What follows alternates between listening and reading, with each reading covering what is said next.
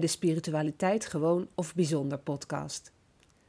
Tijdens deze podcast komen vooral jonge mensen aan het woord of nodig ik op verzoek van deze jongeren een expert uit om een ander licht te laten schijnen op een spiritueel aspect uit deze tijd. Kom jij wel eens in contact met spiritualiteit? Vind je dat heel gewoon, bijzonder of misschien zelfs zweverig? Kun je hier open over praten met anderen?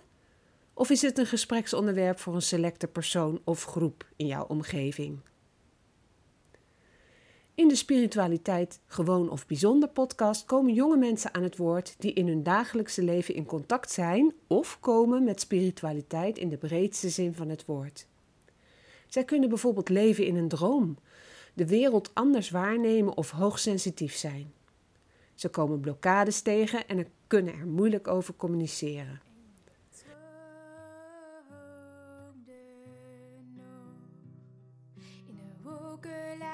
Dromen, daarboven in je hoofd kun je alles wat je wil nu zien zoals je hoopt. Knisperende bladeren, zwevend op de lucht en vliegensvrije vogels zijn nooit meer op de vlucht. En je droomde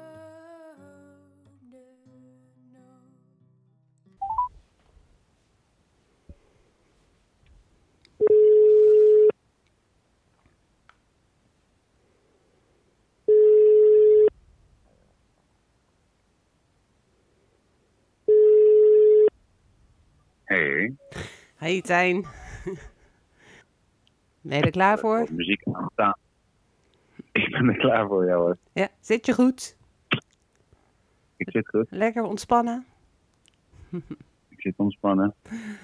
Oké. Ik, Ik heb mijn glühwein erbij. Oh, lekker. Is het bij jullie al donker of niet? Ja, eigenlijk wel. Ik kan het donker verklaren. Ja, ja. ja, ja. Gek, gek idee, hè? Maar ja, je zit natuurlijk veel Zeg dichter bij maar de het Noordpool. dag-over-gevoel. Ja, ja, ja, ja, ja. Nou goed, dan is het tijd voor een lekkere glühwein en lekker achteruit le- leunen en eh, even een fantastisch gesprek voeren. Ik vind het ontzettend leuk dat je in eh, de podcast eh, Spiritualiteit gewoon of bijzonder je verhaal komt vertellen. En ik heb de ehm, opname al gestart. Dus ehm, ik denk, nou, alles wat... Ja, ik vind het heel leuk dat je me uit hebt genodigd, Jolanda. ja? Ver weg is dan? Vertel maar eventjes waar je zit, wie je bent eh, enzovoort. Ehm, ja, ik ben Tijn. En eh, toen ik afgestudeerd was van de kunstacademie, zocht ik naar interessant werk. En eh, ik had op een gegeven moment een klein groepje gevonden. Precies goed voor mij, niet te groot, niet te klein. En ehm, die jongens die verhuisden naar Estland eh, op een gegeven moment. En die vroegen of ik ook eh, meekwam. Mhm. Of ik hier kwam werken voor een paar maanden.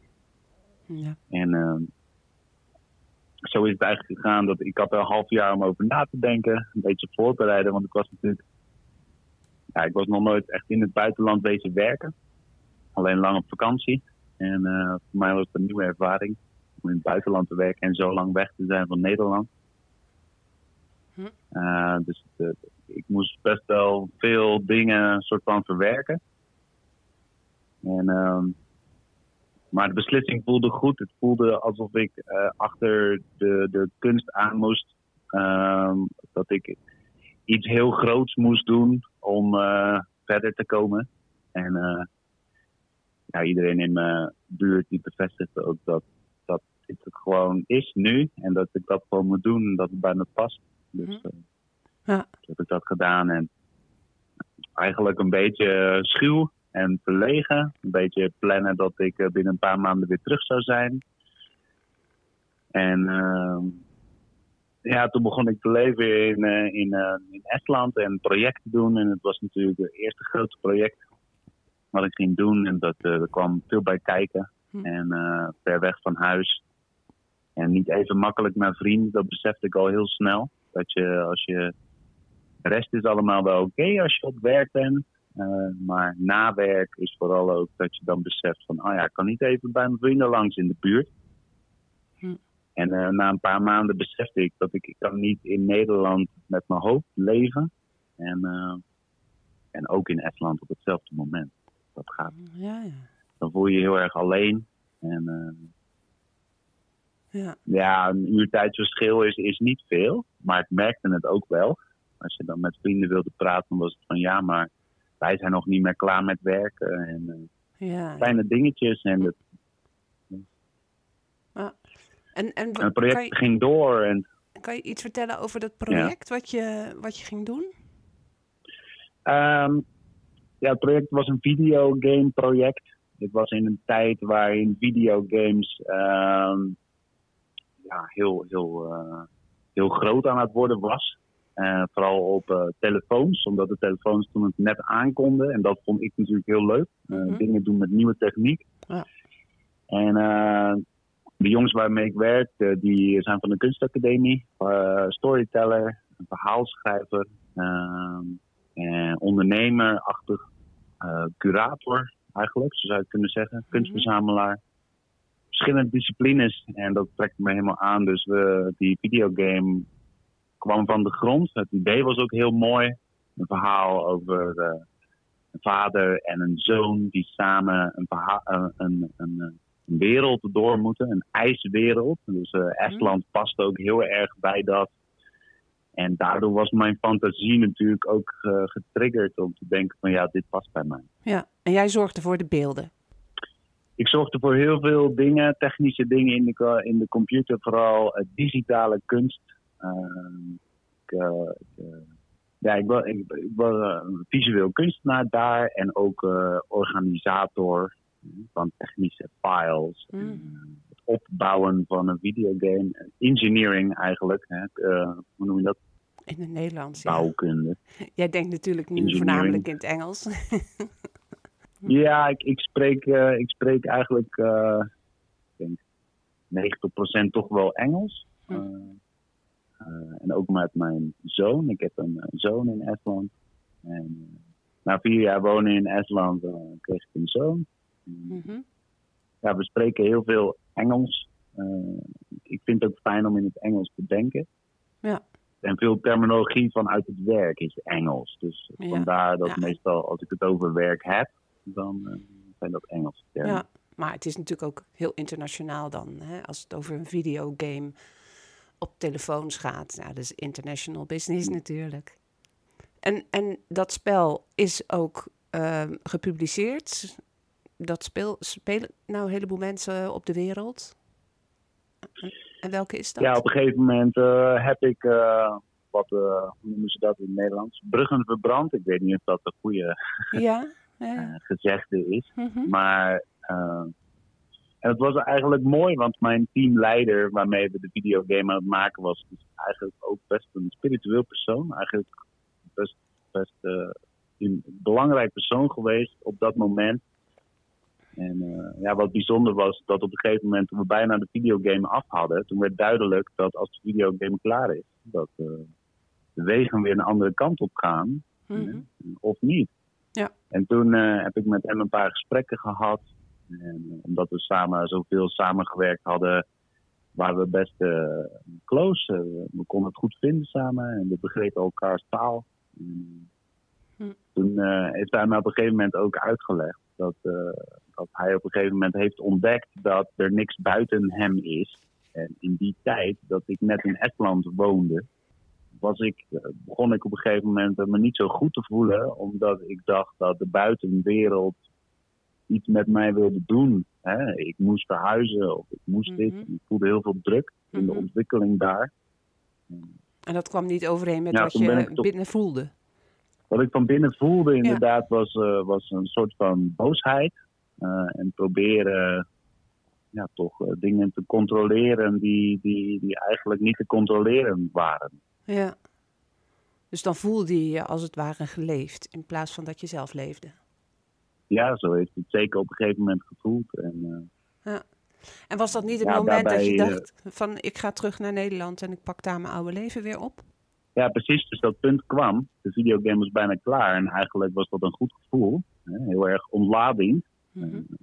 Ook qua, qua groep. Ontlading dat we het als een groep eh, iets gedaan hebben. En een ontlading dat je toch een bepaalde uitdaging hebt kunnen behalen. Ja. eh, die eigenlijk onmogelijk leek voorheen. En eh, aan, eh, ja, aan alles wat begint komt een einde. En dan moet er weer een nieuw begin beginnen. En ging dat in Nederland zijn of in Estland? En Ja. bij mij werd het toen heel duidelijk dat het ook heel erg een mentale, mentaal keuze was. Hè? Ja. naar Nederland betekent dat je mentaal voor dit kiest. En in Estland betekent dat je mentaal voor dat kiest. ja. En je gevoel speelde niet mee. Eh, ja, eh, mijn gevoel speelde mee. Eh, ik denk dat toen een van de belangrijkste dingen was dat ik er geen relatie in Nederland ook had. Een persoonlijke relatie, een romantische relatie. Hm. En daardoor voelde ik me meer vrij. En op een gegeven moment heb ik toen ook kunnen beslissen van, dat mijn gevoel was dat ik hier graag wilde blijven. Want het voelde goed. Mhm. Het voelde als een plek waar ik kon groeien. Ja. ja. Het is natuurlijk een compleet andere cultuur waar je, waar je in terecht gekomen was. Ja. Ander land, andere wetten, andere mensen, andere regels, ja, andere pff, gewoontes. Andere ja, ik dacht dat er misschien de cultuur. Zeker. Ik dacht dat de cultuur best hetzelfde zou zijn. Hè? Mhm. Toch Europees, ontwikkeld. Eh, niet dat ik bepaalde ideeën erbij had, maar eh, Estland is nog niet zo heel lang vrij. Hè? Estland is pas eh 20 jaar vrij in plaats half de helft van het. Mhm. En is daar nog veel van te merken van, van het, eh, ja, het, oude, het oude denken? Of misschien zelfs de invloeden vanuit eh, die andere tijd? We hebben, we hebben even een bug in de lijn. Ik eh, hoor niet wat je zegt. Misschien is het nu beter. Ja. Ben ik er weer? Ja, ik ben er weer. Oké. Mensen van mijn leeftijd die hebben toen ze al, eh, als kind eh, naar de supermarkt gingen, dan waren er bijvoorbeeld geen bananen. En, en dat is eh, voor mij nooit gebeurd. En dat is Hmm. een heel groot verschil. Ja. Mijn ouders kunnen daar misschien wel over praten. En misschien mijn grootouders zeker weten. Ja. Maar hier kunnen mensen van mijn leeftijd dat doen. Die hebben dat allemaal zien gebeuren. Dus er is heel veel van te merken. Ja, ja, dus leeftijdsgenoten die, die vertellen wel eens dingen die jij je niet kan voorstellen. Omdat zij een heel andere jeugd hebben gehad dan jij. Ja, heb alleen gehoord van verhalen van, Mhm. van eh, Ja. oudere mensen in Nederland. Ja. Eén één generatie meer. Zit hier één generatie dichter op de, op de bevrijding. oh, oké. Dat is heel interessant. Mannen die moeten nog steeds eh, verplicht eh, naar, eh, hoe noem je dat? Naar het Militaire leven, naar de defensie. Mhm. Ja, militaire dienst. Ja. En dat merk je ook. Eh, er zijn veel vrienden die zeggen van oké, ja, over drie maanden dan ben ik er niet meer. Hm. Dan, dan, eh, dan zie je me misschien wel weer over vier jaar. Jeetje. Het is een vreemd gevoel, omdat dat in Nederland eh, nooit gebeurde. Nee. nee. Dat is heel ik heb wel eens vrienden gehad. Ja, en, en dan waren we in een groep en dan op een gegeven moment dan waren er twee jongens, die waren er niet meer. Hè. Die, die, die zie je dan drie jaar later weer terug. En vaak zijn ze ook heel erg veranderd. En, eh, Jeetje, ja. Daar, sta je gewoon niet bij stil. vriendschap. Ja. nee. Goh. En dat zit in de cultuur en dat scheidt ook eh, de karakters. En vooral bij de mannelijke karakters. Hè. De, gaan, vrouwen gaan natuurlijk ook in, het, eh, in de defensie. Hè. Dat is Mhm. vrijwillig. Mhm. Alleen omdat het, als het verplicht is, dan dat scheidt eh, de, de vrienden die ik heb vaak wel. Hè. Ja. Mensen die toch naar defensie gaan en mensen die er niet in zijn. Ja, bijzonder. En jij bent vrij kunstenaar, hè? Jij, jij bent gewoon met je, je eigen eh, kunstuiting bezig, beeldende kunst. Kun je daar misschien Ja. ons in meenemen? Want ja, ik weet het natuurlijk wel. ik volg jou al heel lang. Ja. Maar ehm, ja, een bijzondere vorm van kunst. Ja, interessante vraag. Ja. Ik ben vaak bezig geweest ook met de definitie van mijn kunstactiviteiten, laat ik het zo zeggen. Mhm. Ehm, na de kunstacademie, ik ben eh, geschoold illustrator, Ja. eh, maar ik zeg liever visueel kunstenaar. Mhm. Toegepast visueel kunstenaar. en eh, ja, vrij kunstenaar ook. Ja. Soms lastig om je vinger erop te leggen. Mhm. Ja, eh, nou ja, je Ik hebt... denk dat het voor mij niet Ja, doe maar. Wat wil je? Ik denk dat het voor mij niet uitmaakt in welk medium ik werk. Ik, ben, eh, ik ben een videogame project begonnen zonder dat ik ooit een videogame heb gemaakt. Mhm. En verder, ja, op straat? Een straatkunstenaar? Ja, nou ja, de straat is een medium. Ja. dus, eh, en ik vind het een heel mooi medium. De straat is een heel direct medium. Is een verslavend medium, omdat het is direct met de mens. Ja. Eh, je maakt een kunstwerk en iemand kan er iets over zeggen. En Mhm. dat kan niet met heel veel galeriekunst, waar iemand toch ergens naar binnen moet om te kunnen zien. En dat is een stap die iemand moet maken. Wanneer je op de straat is, dan krijg je heel eerlijk een directe reactie. En dat voelt heel goed. Je Ja. maakt een directe verbinding met de omgeving. Eh, omdat mensen die lopen daar elke dag eh, misschien eh, een hond uit te laten, of kinderen naar dagverblijf, of Mhm. eh, naar de winkel. En, eh, het gaat ze heel erg eh, aan het hart Ja, kan niet aan ze voorbij. Het is buiten. Ja. De organisatie rond de, de straatkunst. En eh, ja daar, daar is dus ook een is, bepaalde organisatie die daaronder ligt. Het is niet zo van, nou, ik Ja. zie een, eh, een lege muur en ik ga daar een eh, kunstwerk op maken. nee, het is, eh, het is interessant dat elke land heeft ook verschillende regels. eh, en op elke gebied. In Nederland en in andere meer westerse werelddelen is het misschien toch vaak op een andere manier. Hier zie ik in Estland dat er zijn heel veel gebouwen privé geëigend bij mensen. Mhm. door mensen en door de stad. En eh, als je eh, toegang wil krijgen tot een muur, dan is het een eh, lang proces, heel lang, bureaucratisch. Ja. Terwijl eigenlijk Estland niet zo bureaucratisch is. Maar het proces om een muur te, te krijgen is, je moet toegang, je moet toezegging krijgen van de eigenaar en van het land zelf. Hm. Omdat heel veel gebouwen hier beschermd zijn. Die mogen niet veranderd worden van wat het origineel is geweest. Hè. Die staan, eh, veel gebouwen staan op de World Heritage List, de wereld ja, erfgoedlijst. geschiedenislijst. Ja. Erfgoedlijst. Mhm. dus eh, de buitenkant van de gebouwen moet goedgekeurd worden. En eh, daarom is straatkunst toch eh, meer bijzonder hier als toch in andere landen waarin het veel meer open is. Ja. En wordt er dan ook niet ja, ongevraagde kunst eh, of ongevraagde expressie eh, op muren neergezet? Net als eh, hier, wij hier in Nederland natuurlijk gewoon kennen als eh, de graffiti vandalisme art, zeg maar. Ja. Dat is dus in Estland niet mogelijk.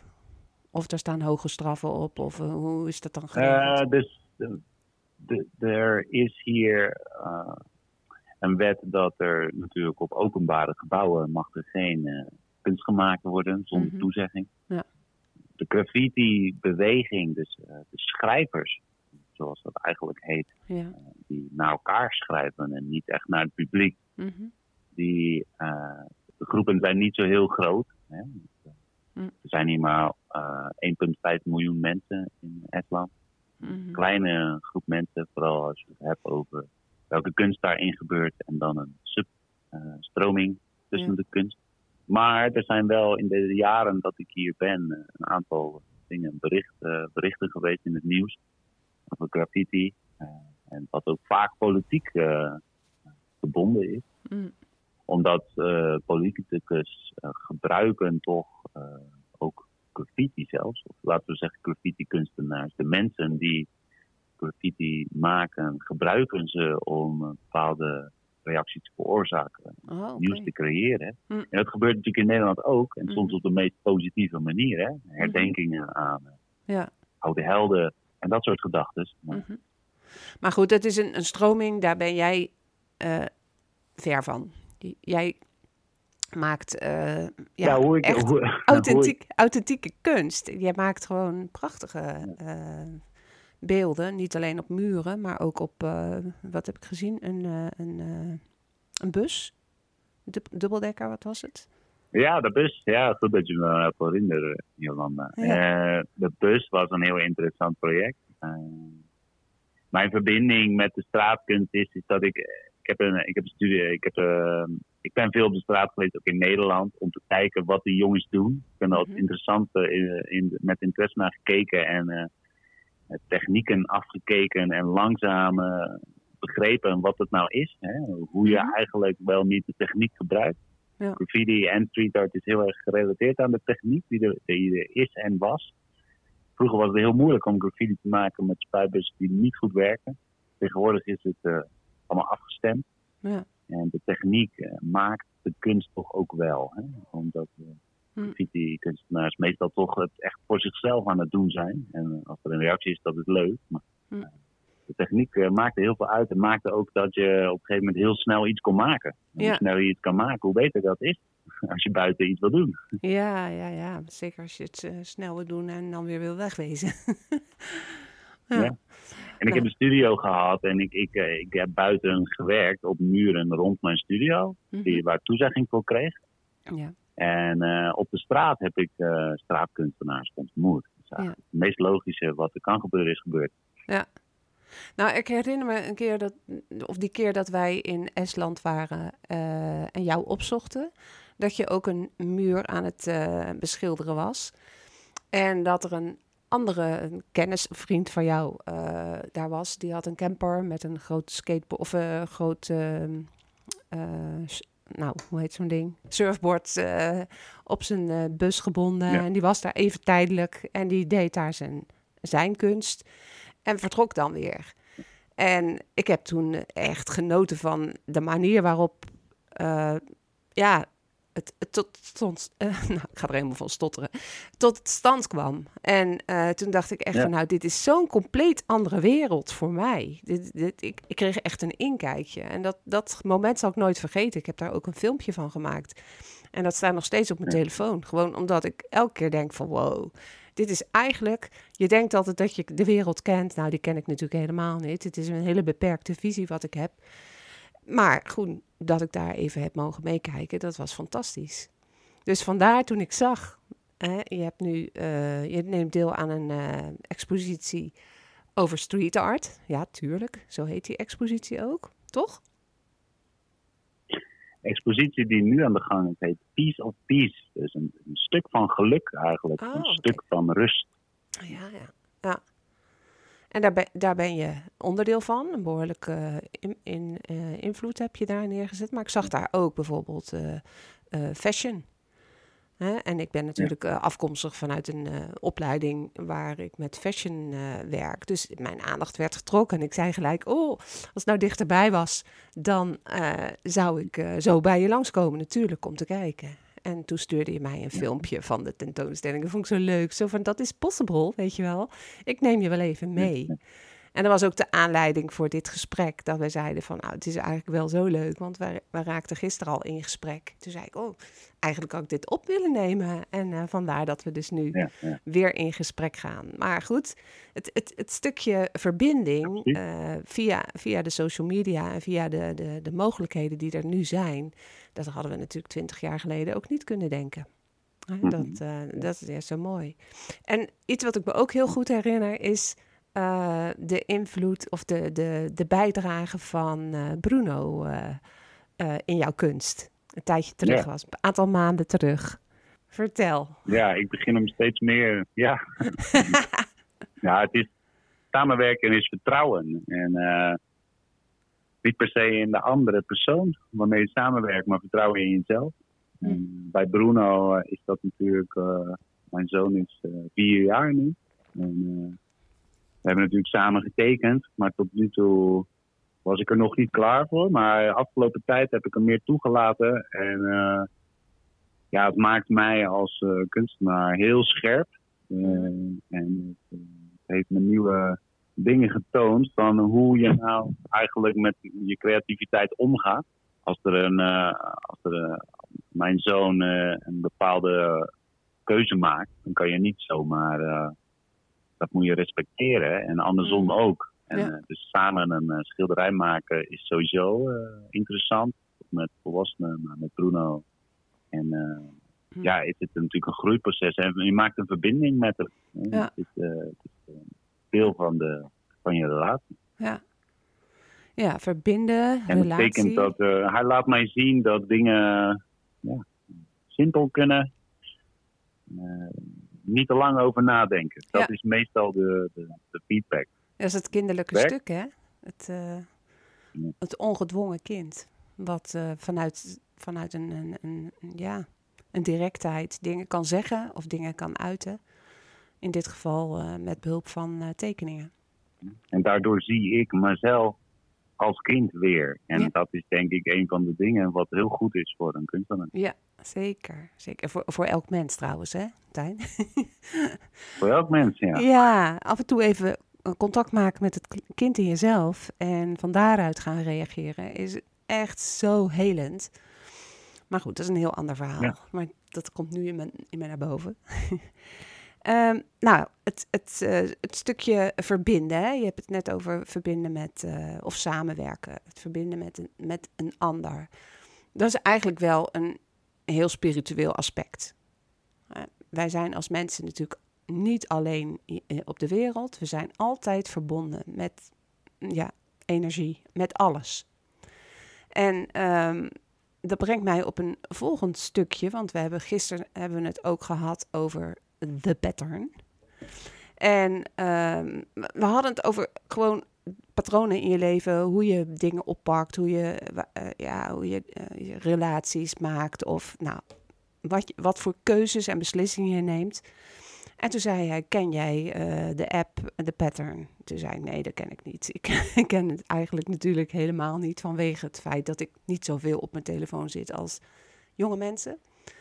Al komt daar tegenwoordig wel verandering in met al die podcasts. Maar toen be- begon jij te vertellen daarover. Misschien kun je daar nog even iets over herhalen. Want eh, er zijn niet misschien mensen die nou nieuwsgierig worden naar wat wij gaan bespreken. Ja. ja, ik zal proberen wat meer over te vertellen. Eh, de pattern, nou, het patroon, is een app die eh, met je geboortedag en tijd je informatie kan geven over patronen in je leven. Eh, er zijn heel veel mensen voor je geweest die dezelfde patronen hebben eh, wanneer ze in dezelfde tijd geboren zijn. En ik was erin geïnteresseerd omdat ik ook geïnteresseerd ben in eh, sterrenbeelden en eh, cyclussen van het leven, laat ik het zo zeggen. Mhm. En het patroon gaf mij ook inzicht daarop. Je kan dingen lezen van over heel de wereld. En mensen der ervaringen die vergeleken zijn met de patronen die ze hebben. En, ja, als je een patroon van tevoren weet, dan, eh, kan je betere keuzes maken. Ja. En, eh, het kan heel erg helpen. Ik heb, helpt me om je eigen verhaal te schrijven. ja. ja, ik heb dat natuurlijk geïnstalleerd op mijn eh, telefoon. en ik ben gaan lezen. En nou, het, het was een groot feest van herkenning, zeg maar. Maar ook wel eh, momenten van ehm, confrontatie haast. Dat ik denk van, hè? Heb ik dan wel het goede ingevuld? Dat ik dit te lezen krijg over mezelf. Maar ik, ik zag ook dat erbij stond dat dat een, een, een aspect is wat op dit moment speelt, omdat nou eenmaal de planeten zo staan. En dat dat in combinatie met jouw eigen sterrenbeeld en jouw geboortetijd eh, zich op dit moment voordoet. En dat dat nodig is om verder te kunnen groeien, om daar inzicht in te krijgen. Of heb ik het dan verkeerd begrepen? Nee, dat klinkt helemaal hoe, hoe ik het ook interpreteer, Ja. vaak de teksten. Ja, ja. Ja, het, het leert je dat je bent niet altijd per se één en dezelfde persoon. Er zijn verschillende moods of seizoenen. eh, Hm. Hoe je je voelt. Ja.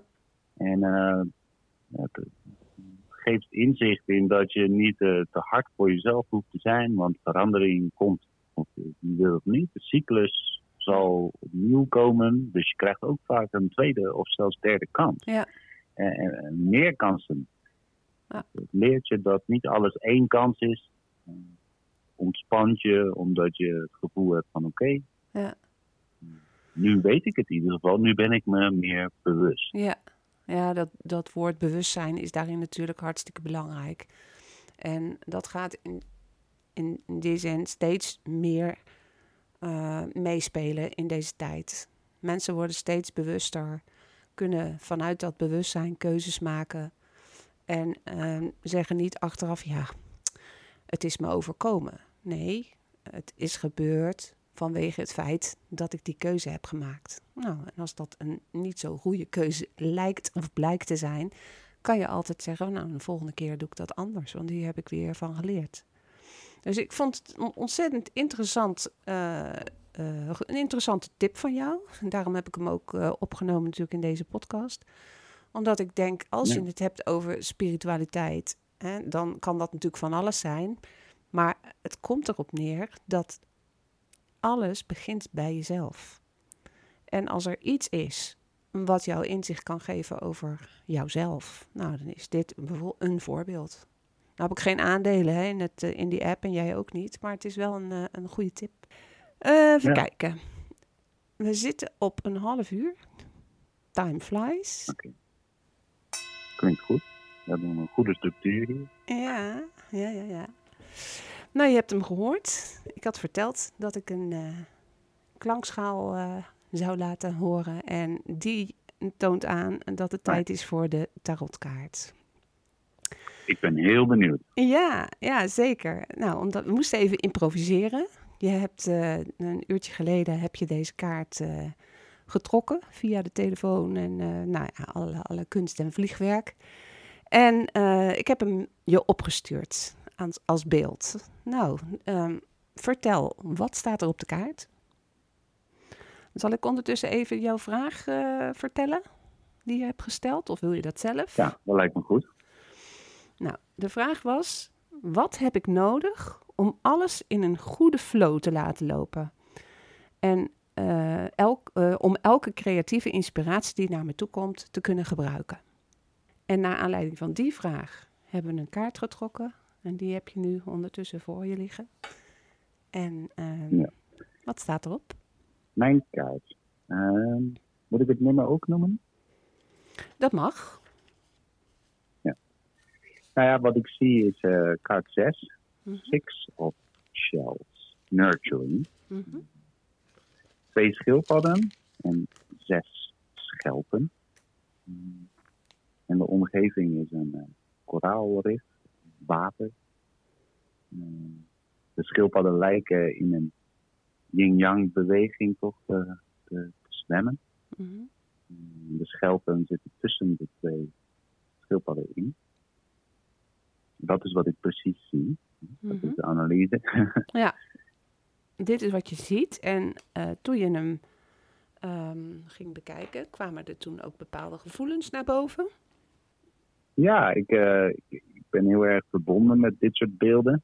Uh, ik schilder, schilder zelf ook uh, schildpadden vaak. Hè. Mm -hmm. Ik heb ze onbewust geschilderd en uh, meer bewust. Ja. Voelt als een goede vorm. En dat is voor mij altijd een teken dat de intuïtie erbij past. En, ik ben ook eigenlijk niet verbaasd over deze kaart. ik ook niet, nee. Maar misschien is dat omdat er een, een, een hele grote hoe noem je dat? collectie aan beelden in mijn hoofd zit. Die automatisch verbonden wordt met beelden, nieuwbeelden die ik zie. Ja. Uh, soms lastig om objectief te zijn. Maar uh, het gevoel van de kaart voelt goed. De water, hè, de flow, mm -hmm. de stromingen van water uh, komen veel voor in mijn leven en daar ben ik veel mee bezig geweest. Ja. Ja, en je vraag ging ook over... Ik heb altijd... Ja. Ging ook over Ja, ik heb ook me altijd verbonden gevoeld met, met, uh, met water. Uh, altijd bezig zwemmen als kind. En uh, de, de, de, ik werd daar rustig van en het was een goede plek om na te denken. Mm -hmm. De schelpen ertussenin zijn interessant. Zijn zeker beelden waar ik later mee bezig ben geweest ook. Hm. Ja, schelpen hebben een... ja. ja, die hebben een ja, een bepaalde structuur. En de structuren, de, de bouwkunde van de natuur is voor mij uh, heel interessant. Dat zie ik elke keer terug. Mm -hmm. En de hoeveelheid van de iconen wekt voor mij vragen op. Dat is interessant. Die kan ik niet gelijk beantwoorden. Nou ja, de iconen, je bedoelt en de schildpad en eh, de schelpen en de stroming, die er allemaal te Mhm. zicht- zichtbaar zijn op de kaart. Dus eh, symboliek. De symboliek, precies. Want als je naar de schelpen kijkt, dan zie je dat die allemaal een open kant hebben en een dichte kant. Mhm. Ja, dus je, je zou kunnen eh, je in kunnen beelden dat die schelpen allemaal een boodschap in zich hebben die eh, naar buiten kan. Hè, dus is inspiratie. Ik weet niet of je vroeger wel zo'n schelp aan je oor hebt gezet en, om naar de zee te luisteren. Ja.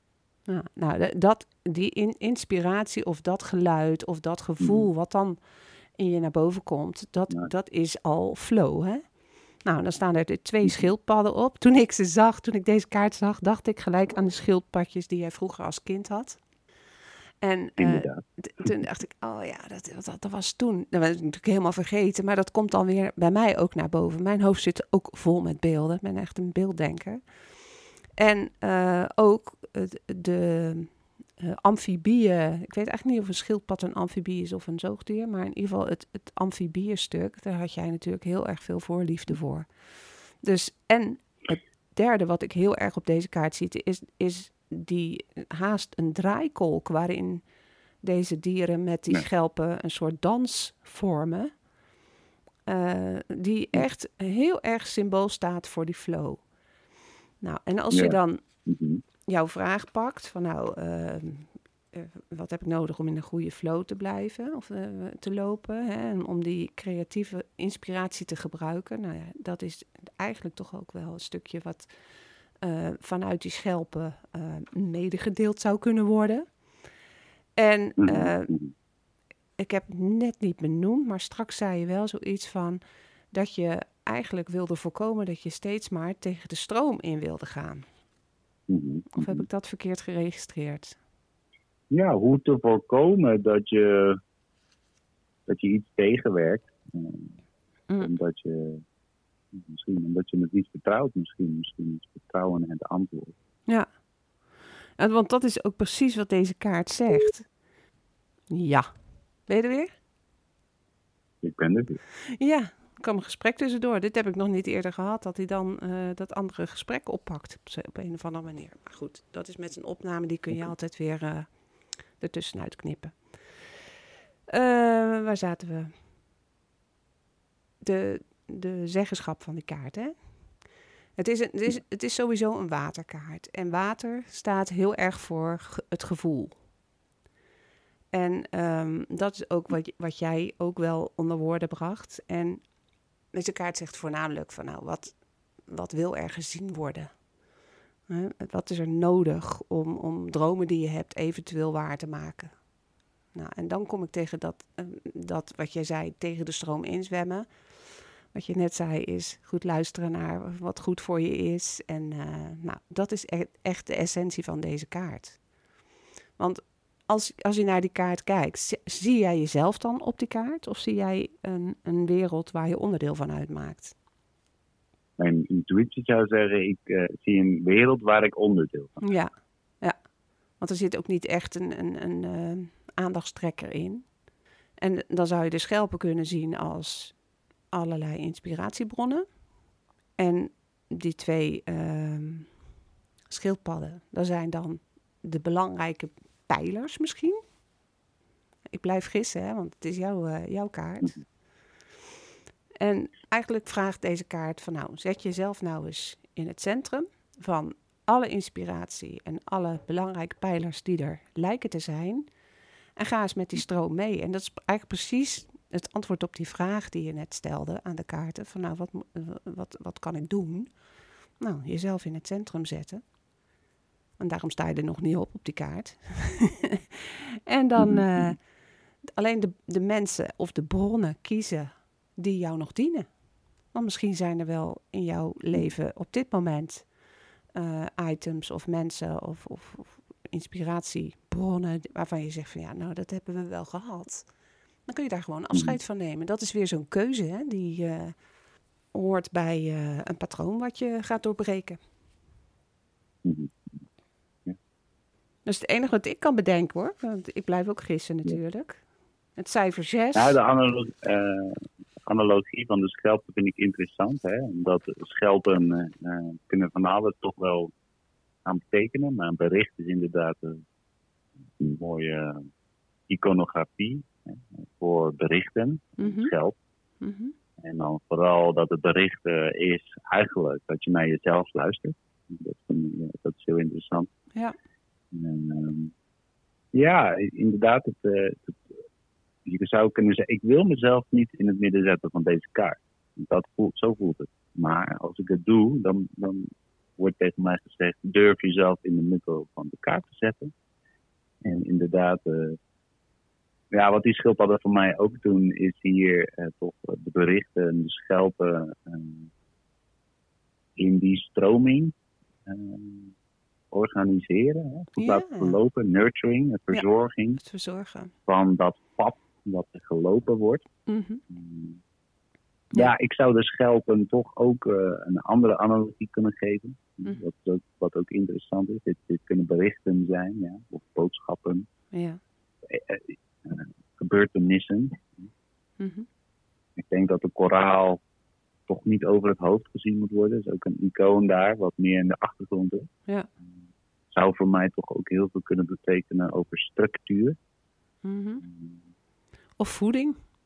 Ja, en, en wat ik veel voel in mijn leven is dat wanneer er, eh, dat er een bepaalde structuur, inderdaad, een bepaalde opvoeding was, waar die altijd goed is om het in het achterhoofd te houden. Ja.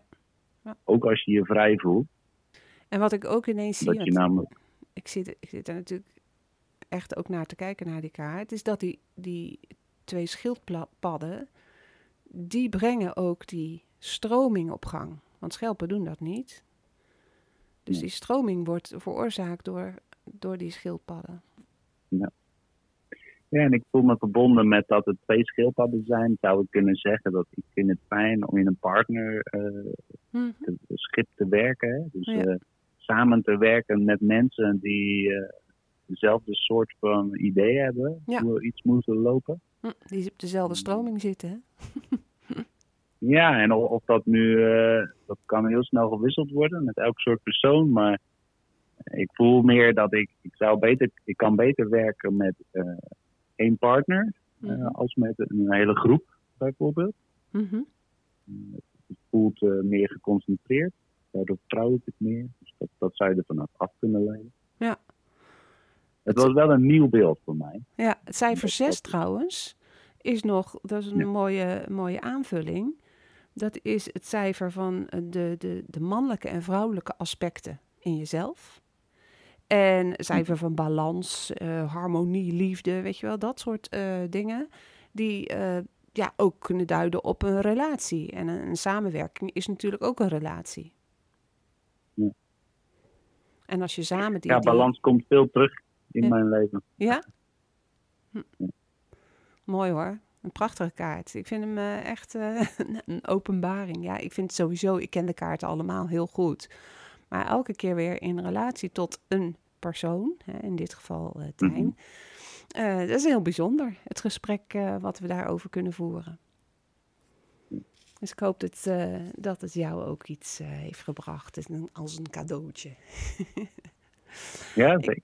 Ik zie, Nieuwe inzichten op iets zijn altijd gewend. Ja. Heb jij, eh, want ik, ik moet naar de afronding. Ik zie eh, nu 45 eh, minuten staan. Nou hebben we een kleine onderbreking gehad vanwege de inkomende telefoongesprek. Maar heb jij nog iets waarvan je zegt van nou, dat wil ik nog even vertellen? Ehm, nou, komt niet zo naar boven, heel Nee? eventjes. Nee. Nee. Er zijn heel veel dingen waar ik over zou kunnen praten. Wat ik zou kunnen zeggen tegen jou, Jolanda, is dat ik denk dat we een hele aparte podcast kunnen oprichten. Over heel veel dingen kunnen praten. Mhm. Dat, eh, dat is een van de dingen die bij me opkwam. Ja. Eh, En, en waar zou je dan over willen praten?